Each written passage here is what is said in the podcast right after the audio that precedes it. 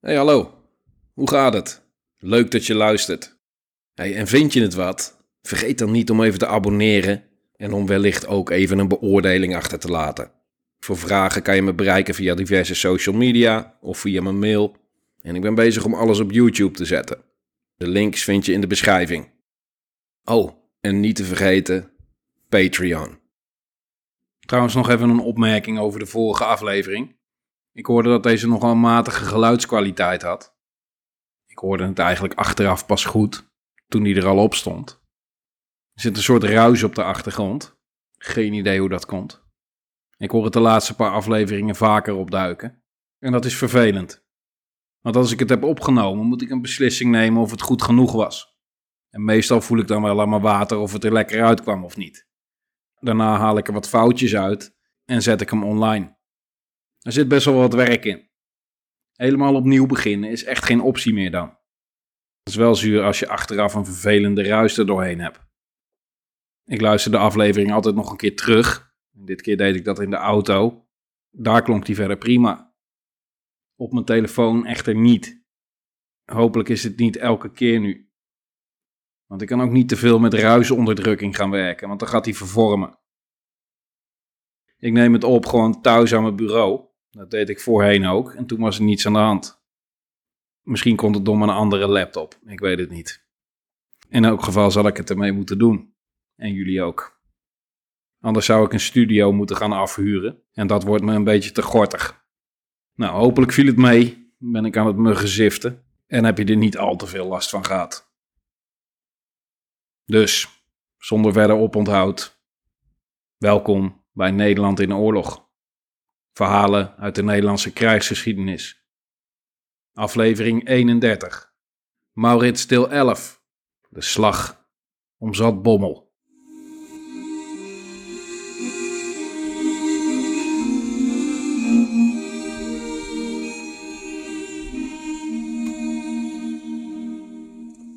We zijn de vorige keer een beetje uitgelopen. We hebben weer heel veel bijzaken besproken. En daardoor zijn we in het jaar 1598 blijven hangen. En we hebben dusdanig lopen uitweiden dat we niet eens zijn toegekomen aan een andere belangrijke gebeurtenis dat jaar. De koning van Spanje, onze vriend Philips II, was op 70-jarige leeftijd overleden. De man waardoor de hele opstand was begonnen, 30 jaar daarvoor. Hij had dus nog even kunnen meegenieten hoe de opstand uiteindelijk een echte oorlog werd en hoe de Spanjaarden steeds verder werden teruggedreven. Eigen schuld. Hij had Willem van Oranje laten vermoorden en zijn zoon kwam tien jaar later wraak nemen. En hoe?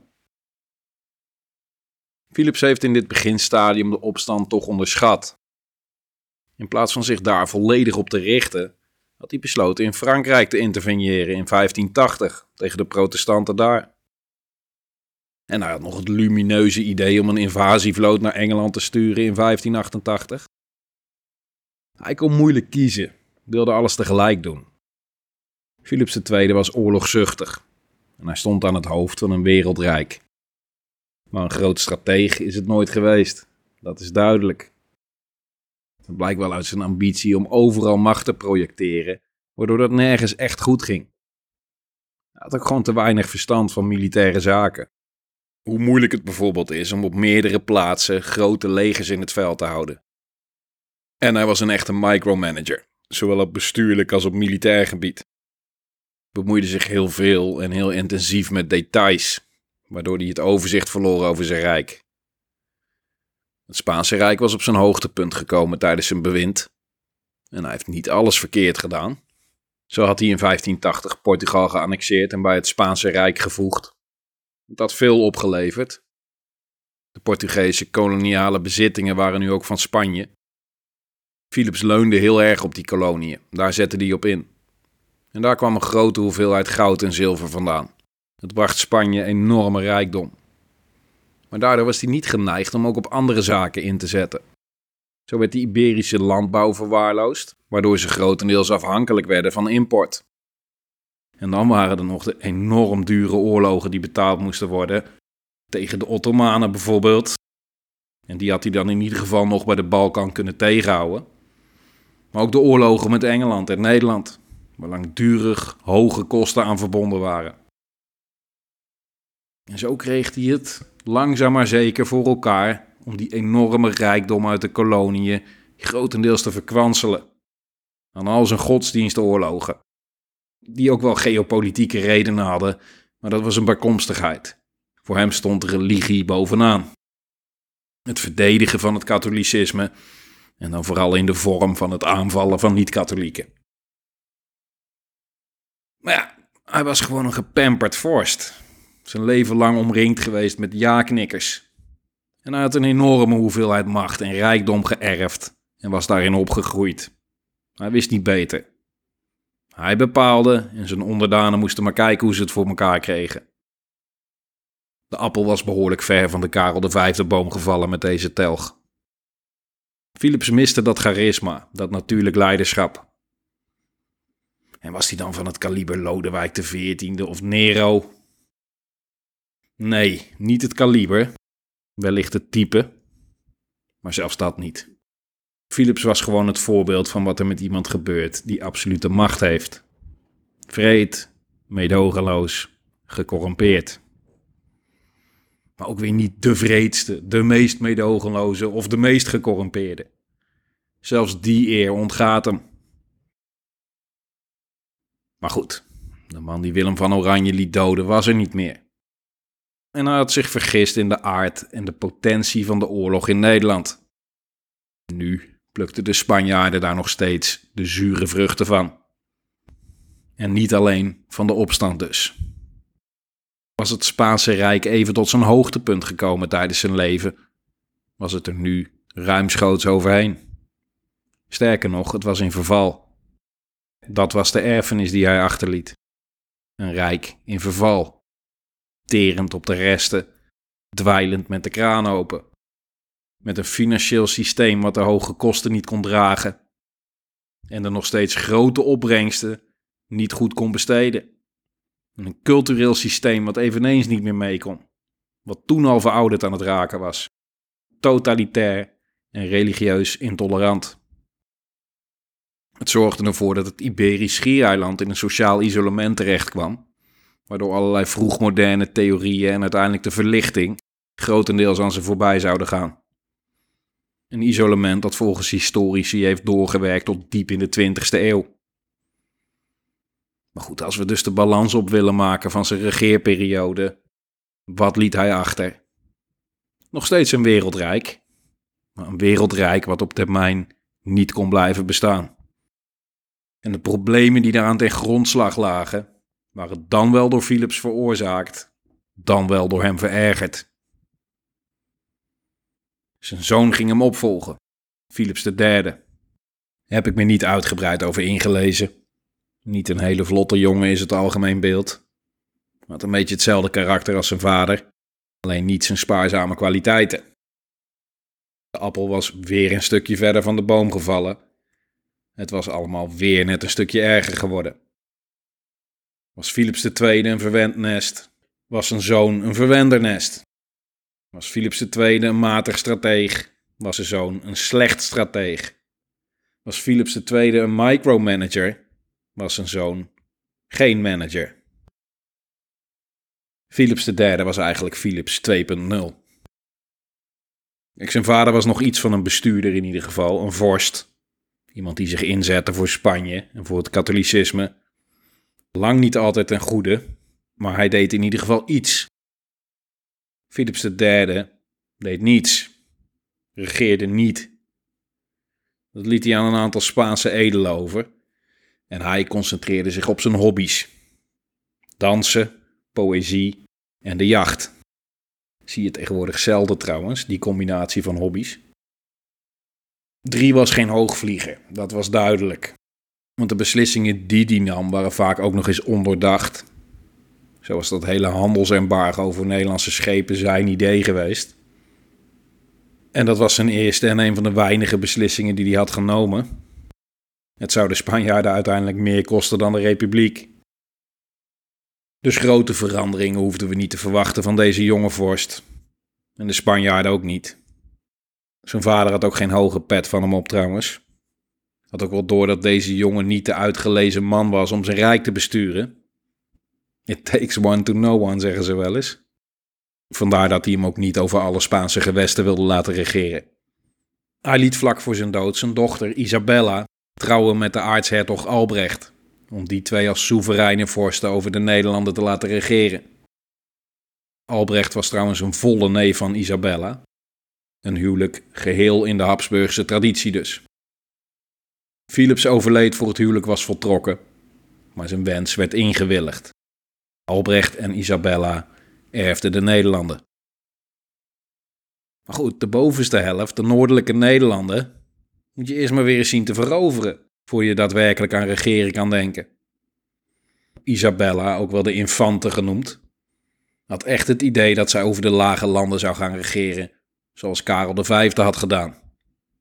Ze had de illusie dat, ik citeer, bij mijn komst het land der Verenigde Provincies zich in mijn dienst en gehoorzaamheid zouden stellen. Einde citaat. Dat er dus echt weer een moment ging komen dat alles weer goed was gekomen, dat de opstand was onderdrukt en dat die vervelende Hollanders weer netjes gingen doen wat ze werd opgedragen. Nou, lieve schat, ik weet niet onder welke steen jij hebt gelegen, maar die Nederlanders hebben zich vrijgevochten en buigen voor niemand meer. En zeker niet voor jou.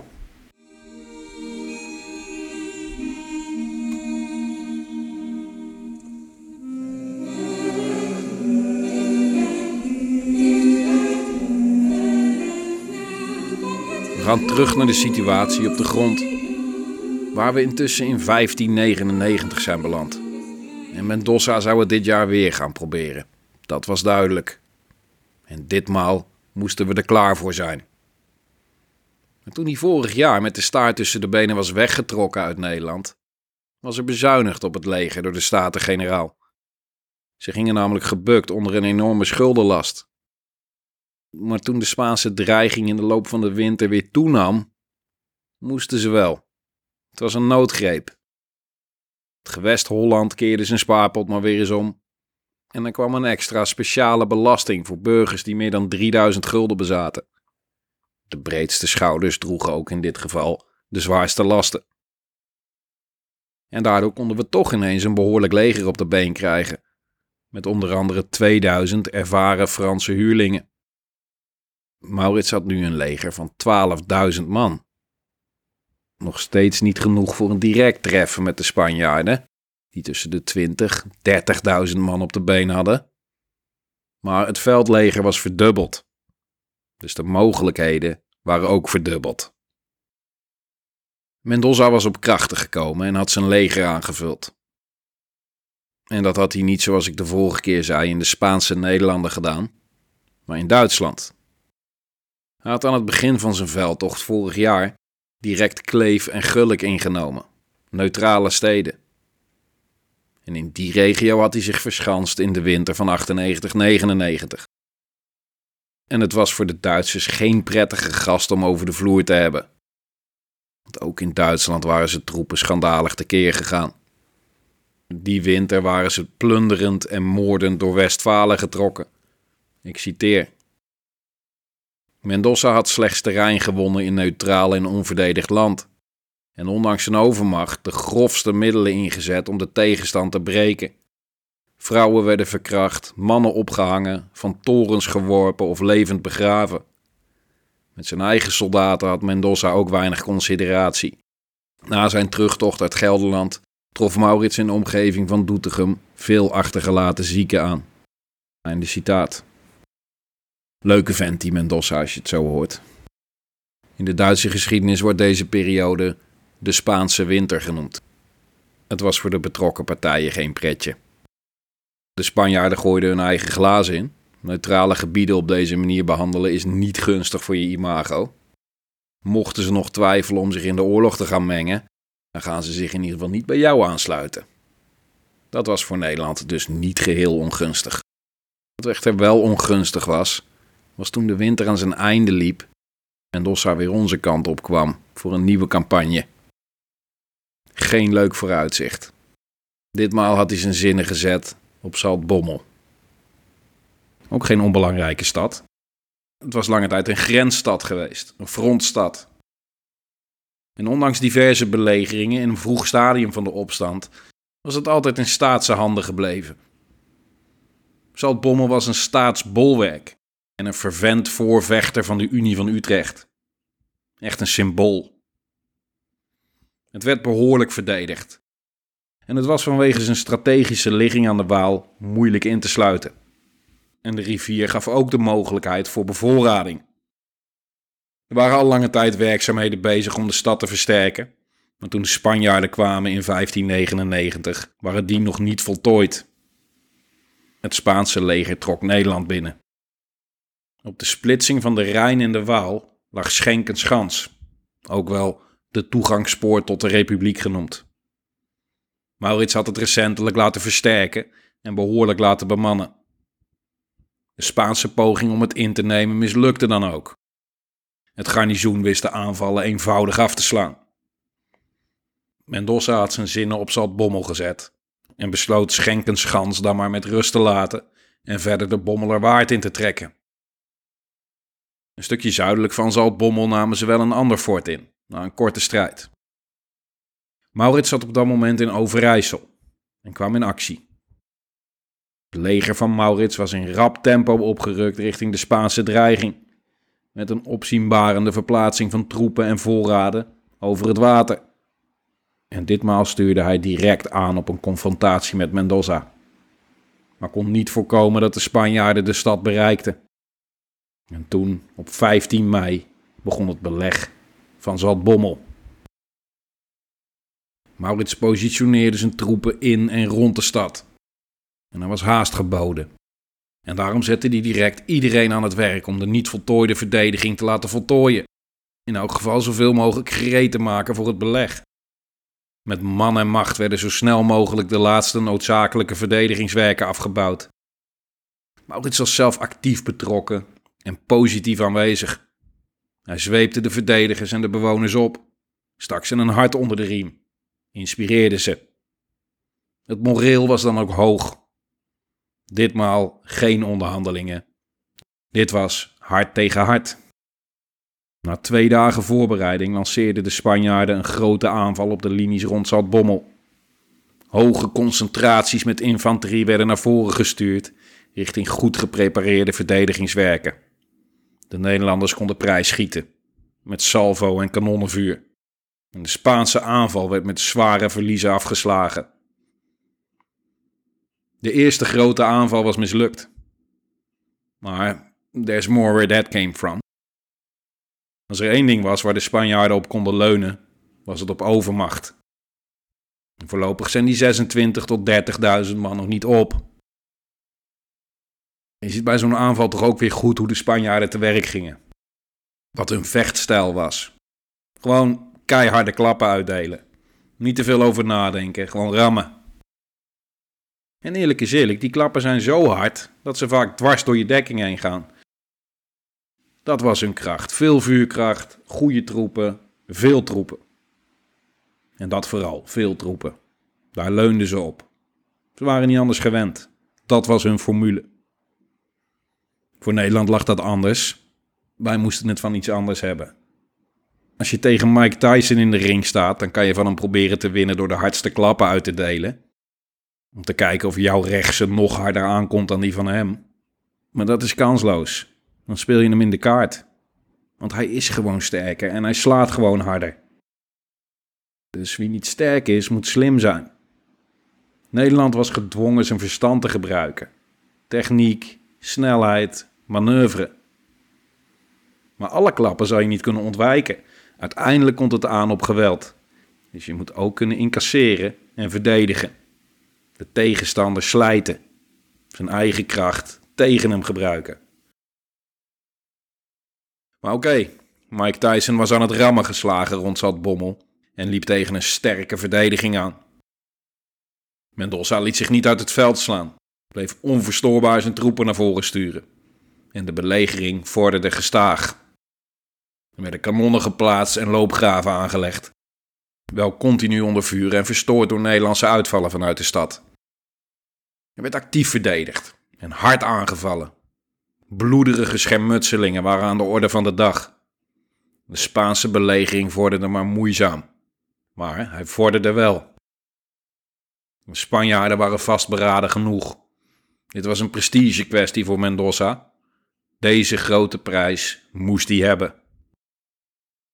Dit ging een kwestie van standvastigheid en geduld worden. Dus Maurits ging er een schepje bovenop gooien. Hij ging hier even heel serieus zijn schouders onder zetten. Via een pontonbrug werden enorme hoeveelheden voorraden aangerukt.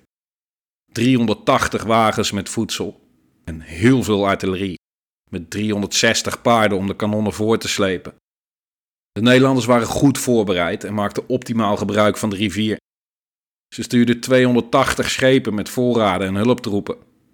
Een aantal daarvan waren uitgerust met kanonnen. Deze konden nog eens extra vuursteun geven. Het werd een optreden van verbonden wapensoperatie. Had ik al gezegd dat Maurits een compleet en modern generaal was?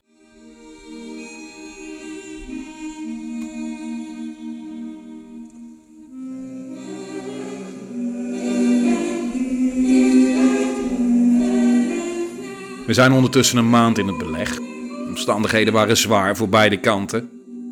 Maar de verdediging zat nog sterk in het zadel, vertoonde geen serieuze scheuren. Die zaten goed in de voorraden en er was een grote hoeveelheid vuurkracht aangeleverd. Maurits positioneerde zijn kanonnen voor een geconcentreerd bombardement. Daarna begon de barrage, zowel vanaf het water als vanaf het land.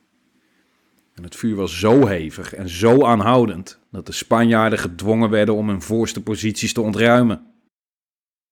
Mendoza moest zijn verdedigingslinie naar achteren verleggen.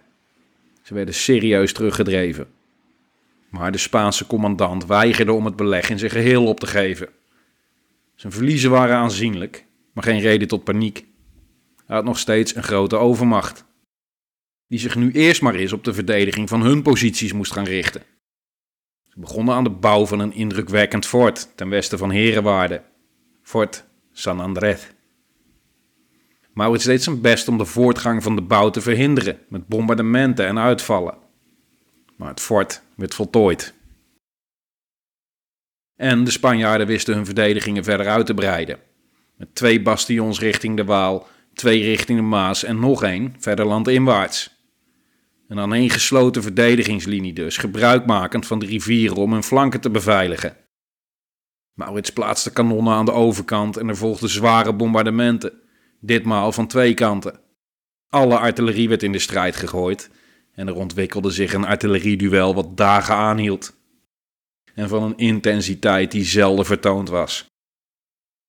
Ondertussen ging het spel van aanvallen en tegenaanvallen door. De slag bij Zaltbommel was bitter.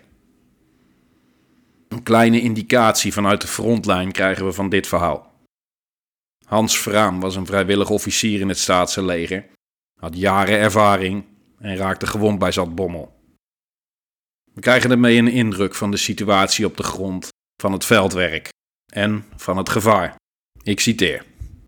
Op bevel van prins Maurits voeren de kapiteins Kuiper en Alteras in mei 1599 naar Zaltbommel. Woensdag voor Pinksteren ging Hans Vraam samen met de kapitein Kuiper en enkele van zijn bootsgezellen naar de bosse poort van de stad. Buiten de poort was een terrein waar het staatse leger in noodtempo een bolwerk van aarde wallen liet versterken. Ook prins Maurits was daar aanwezig.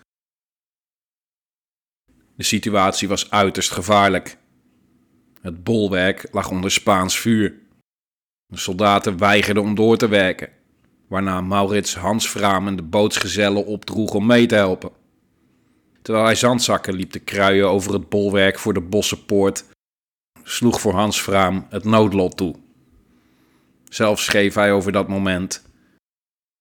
Tot zijn grote ongelukken en de verdrieten zijn linkerbeen met een grof stuk van den vijand afgeschoten is. Ja, zijn been werd eraf geschoten dus. Vraam werd naar het gasthuis in Zierikzee gestuurd.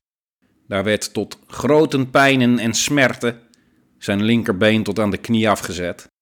De ingreep werd uitgevoerd door de Zierikzeese chirurgijn Jan Boenaert. In de verantwoording van de door Boenhard bij de admiraliteit ingediende rekening over 1598 en 99 is Hans Vraam terug te vinden. Nog onder handen gekregen een Hans Vroom, dienende op kapitein Kuiper. Geschoten voor de stad van Bommel van een groot stukkige schuts, zijn linkerbeen af in het midden van de keit, daar ik over gevaseerd hebben met grote moeite en de kosten van den 30 mei tot de 20 november. Jezus. Lastig zat soms dat oud-Nederlands. Ja, er staat zoiets als dat hij in zijn kuit was geraakt van zijn linkerbeen. En dat hij die met grote moeite heeft geamputeerd. En dat die behandeling van 30 mei tot 20 november heeft geduurd. Einde citaat. Hans Vraam zou een langdurige en pijnlijke revalidatie tegemoet zien. Op 24 juni besloot Maurits de impasse te doorbreken en om het initiatief terug te pakken. Er ging een Nederlandse troepenmacht vooruit voor een aanval, onder leiding van Willem Lodewijk en Horace Veer. Ze staken de rivier over, s'nachts, en verplaatsten zich ongezien richting de Spanjaarden. En bij het ochtendgloren hadden ze een halve maanvormige stelling opgeworpen bij Herenwaarde, op korte afstand van San Andrés. Mendoza reageerde. En hoe? 3000 Spanjaarden en Italianen, keurtroepen, vielen de Nederlandse posities aan. In een zeer agressieve aanval. Een furieuze stormaanval met volle kracht. Dwars door het Nederlandse afweervuur. Ze drongen door de eerste opgeworpen veldversterkingen heen. Nu was het korte afstand. En het mondde uit in een man-op-man gevecht. Man op man. Stel je dat ook eens voor. Hoe heeft dat eruit gezien? Hoe klonk het? Dat is ook een bezigheid, hè? Oog in oog, doden of gedood worden. Schreeuwende, vechtende mensen overal. Prikken, hakken, snijden, schieten, steken, slaan, schoppen, bijten, weet jij veel? Hoe dat ging, weet niemand meer precies. Er zijn niet veel gedetailleerde beschrijvingen van. De krijgsrapporten beperken zich vaak tot grote aanval van circa 3000 man. Eerste linies werden doorbroken. Pikeniers en musketiers bestormden de stellingen. Eigen troepen hielden stand. Leden zo en zoveel verliezen. Uiteindelijk werd de aanval afgeslagen. Er bleven 327 vijandelijke doden achter. Zoiets. Geen beschrijvingen van wat er nu precies gebeurde in die gevechten. Of het een enigszins georganiseerde situatie was waar soldaten in formaties tegenover elkaar stonden, enige afstand bewaarden. Of dat ze op breefhartachtige wijze op elkaar inrenden en als een soort harmonica in elkaar vouwden. Dat er overal individueel één op één gevechten werden geleverd. Of dat er toch meer schouder aan schouder met dichte linies op korte afstand werd geprikt en geschoten. Was het een compleet hectische, totale chaos of was er nog enige orde? We kunnen er alleen naar gissen.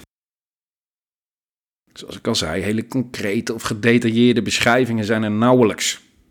Dat geldt ook voor dit voorbeeld. De beschrijving waar we het mee moeten doen is: het monden uit in zware man-op-man gevechten waar veel doden bij vielen. Meer detail krijg je niet. De rest laten ze aan de verbeelding over. En het tart waarschijnlijk elke beschrijving. Maar het was hier dus in volle gang. De Spanjaarden wierpen zich vol in de strijd en de Nederlandse troepen weerden zich uit alle macht. Veer en Willem Lodewijk leidden hun troepen, heroïs zoals we ze kennen, in de frontlijn. En na een bittere strijd keerde het tij in ons voordeel en werden de Spanjaarden met zware verliezen teruggeslagen. Ruim 300 doden en 800 gewonde Spanjaarden bleven achter op het slagveld. Een tactische nederlaag voor Mendoza, maar strategisch was er weinig verloren. De Spanjaarden waren overal en wisten een groot deel van de aanvoerlijnen te verstoren of te blokkeren. De druk op Zaltbommel en het omliggende gebied was groot en die werd verder en verder opgebouwd. Dit zou voor Nederland op termijn niet te houden zijn. De sleutel lag bij de logistiek. De steden en forten in de buurt zouden met hoge intensiteit bevoorraad moeten blijven worden om de Spanjaarden af te stoppen. Dus kwam Maurits met een complex een ambitieus plan om de kritieke situatie te redden. Hij besloot dat de enige manier om Zaltbommel te bevoorraden was door herenwaarden met voren te verbinden via een brug. De ingenieurs van Maurits namen veertien schepen die het leger hadden bevoorraad, ontdeden ze van hun tuigage en ankerden ze aan een lijn die de Waal overspande. Vanaf één punt ten oosten van Tuil naar de haven van Zaltbommel. Vervolgens bouwden ze een plankenweg over die schepen, die breed genoeg was om twee wagens in tegengestelde richting te laten passeren. Kort daarna werd een versterkte positie ter bescherming gebouwd in Littoyen, aan de kant van Brabant, en al snel kwamen de voorraden de stad binnen. Het militaire voordeel wat hiermee behaald werd, was van onschatbare waarde. Om te voorkomen dat de Spanjaarden de scheepsbrug zouden bereiken en die vanuit het westen zouden omsingelen, gaf Maurits de opdracht om de dijken bij Gameren door te steken, waardoor het omliggende platteland onder water kwam te staan. Dit maakte een Spaanse toenaderingspoging van die zijde onmogelijk. En het plan bezat nog een element: een tegenaanval. En ditmaal een grote. Met 6000 man werd de rivier overgestoken. Eenmaal aan de overkant werd een belangrijke positie aangevallen die de Spaanse flank moest dekken. Het lukte. De Spanjaarden werden teruggedreven. Nu lag de rechterflank open. Een deel van het Spaanse leger stond op het punt om volledig afgesneden te raken. Nu was de Spaanse situatie kritiek. De omsingelaars raakten omsingeld. The hunter became the hunted. Nu brak de pleuris uit in het Spaanse kamp. De onzekerheid sloeg toe. De Spanjaarden zagen hun hoop op een goede afloop als sneeuw voor de zon verdwijnen. Het moreel zakte naar een dieptepunt. Buitengewoon goed uitgevoerde Nederlandse aanval slokte de ene naar de andere stelling op. Zij hadden het momentum. De Spanjaarden hadden er geen antwoord op. Zaten met de handen in het haar. Ontmoedigd waren ze al, maar dit begon hopeloos te worden. Er ontstond oneenigheid binnen het Spaanse leiderschap. Mendoza en zijn tweede in commando maakten openlijk ruzie, voor het oog van de soldaten. Dat helpt niet mee voor het moreel natuurlijk. Als je meerdere niet eens meer de schijn proberen op te houden dat ze nog iets in de hand hebben. Daar kwam nog eens bij dat ze weer eens geen soldij hadden ontvangen en dat de bevoorrading slecht was geweest. Ze hadden honger, waren onder voet. En dat is, zoals we weten, een goede voedingsbodem voor onvrede. De problemen stapelden zich op voor de Spaanse commandant. Steeds meer soldaten begonnen te deserteren, liepen over naar de vijand of verlieten simpelweg het Spaanse kamp.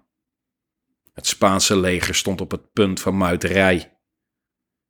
Mendoza moest het onder ogen zien. Deze ga ik verliezen. Zaltbommel was onneembaar geworden. En dus werd na twee maanden strijd het doel opgegeven en trok hij zijn leger terug uit de Bommelerwaard.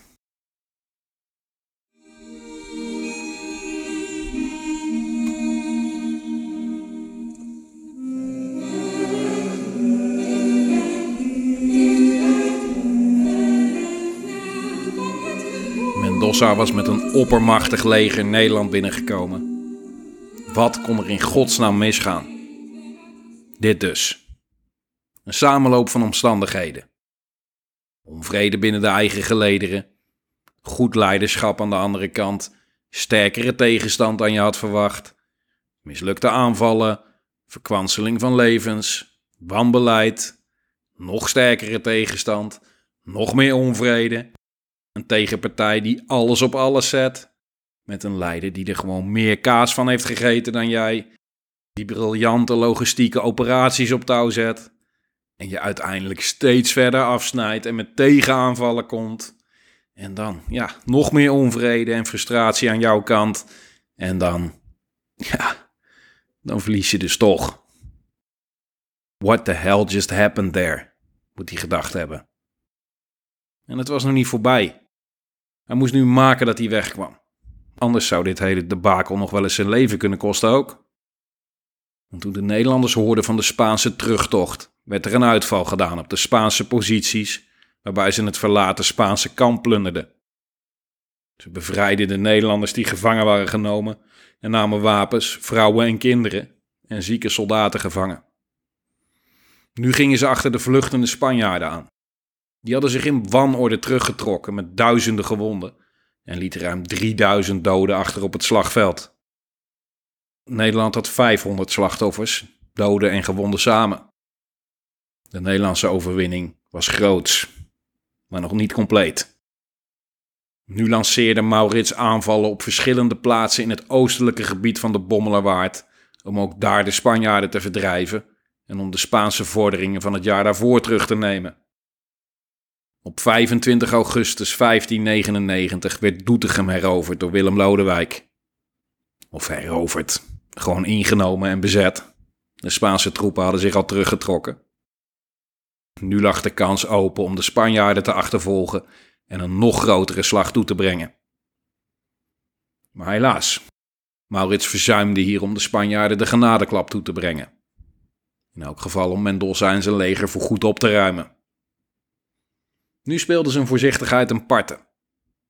Het kwam zijn handelen vaak ten goede, maar nu was hij te voorzichtig. Wilde eerst een grote legermacht samenstellen en zeker weten dat hij niet in een val liep. Erop en erover was dit keer goed geweest. De gedemoraliseerde Spanjaarden waren rijp voor de jacht. Maurits stopte de achtervolging en gaf Mendoza kans om weg te komen. Maar ja, ik zit hier in mijn luie stoel. Makkelijk lullen achteraf. Als die daar roekeloos in het Spaanse mes was gelopen, hadden we achteraf ook geroepen dat het dom was. Maar toch, er zijn generaals die het momentum beter hadden benut, die hun kans hadden geroken, opportunistisch hadden gehandeld, hun instincten hadden gevolgd en zich als een roofdier op hun gewonde prooi hadden gestort. Maar Maurits was geen roofdier, handelde niet op instinct, maar op wetenschap, kennis, verstand. Goed, we kennen hem. En dat maakte hem tot de veldheer die hij was. Maar het had ook zijn beperkingen dus. Heel soms maar. Af en toe. In specifieke gevallen. In dit soort gevallen. Waar je er achteraf gezien gewoon voluit overheen had moeten knallen. Maar nogmaals, dat is achteraf. De overweging van Maurits, zoals ik die zou inschatten, was waarschijnlijk gewoon dat het risico te groot was. Planner als die was, want dit kan je niet goed plannen. Dit is ad hoc, improviseren, op terrein wat je minder goed kent. En waarom nog risico gaan lopen terwijl het primaire doel is bereikt? Zal het bommel ontzetten. Want hoe dan ook, Maurits en zijn leger hadden een grote overwinning behaald. De Spaanse aspiraties om ten noorden van de Maas uit te breiden waren vernietigd. Voorlopig leken ze ver weg. Mendoza had in 1598 matig gepresteerd en was bij zijn herkansing in 99 enorm op zijn bek gegaan. En hij was dan misschien niet definitief verslagen, maar zijn leger was verzwakt en uitgedund. De Spaanse autoriteiten waren ook niet helemaal tevreden over zijn optreden. Een commando op deze schaal kon hij voorlopig wel op zijn buik schrijven. Het ging even duren voordat hij daar weer bovenop was. En met hem de rest van de Spanjaarden. De teleurstelling en de frustratie sloegen over op de rest van het leger van Vlaanderen. Op diverse plaatsen ontstonden muiterijen en plunderingen. De problemen in het Spaanse leger duurden voort, stapelden zich op, breidden zich uit.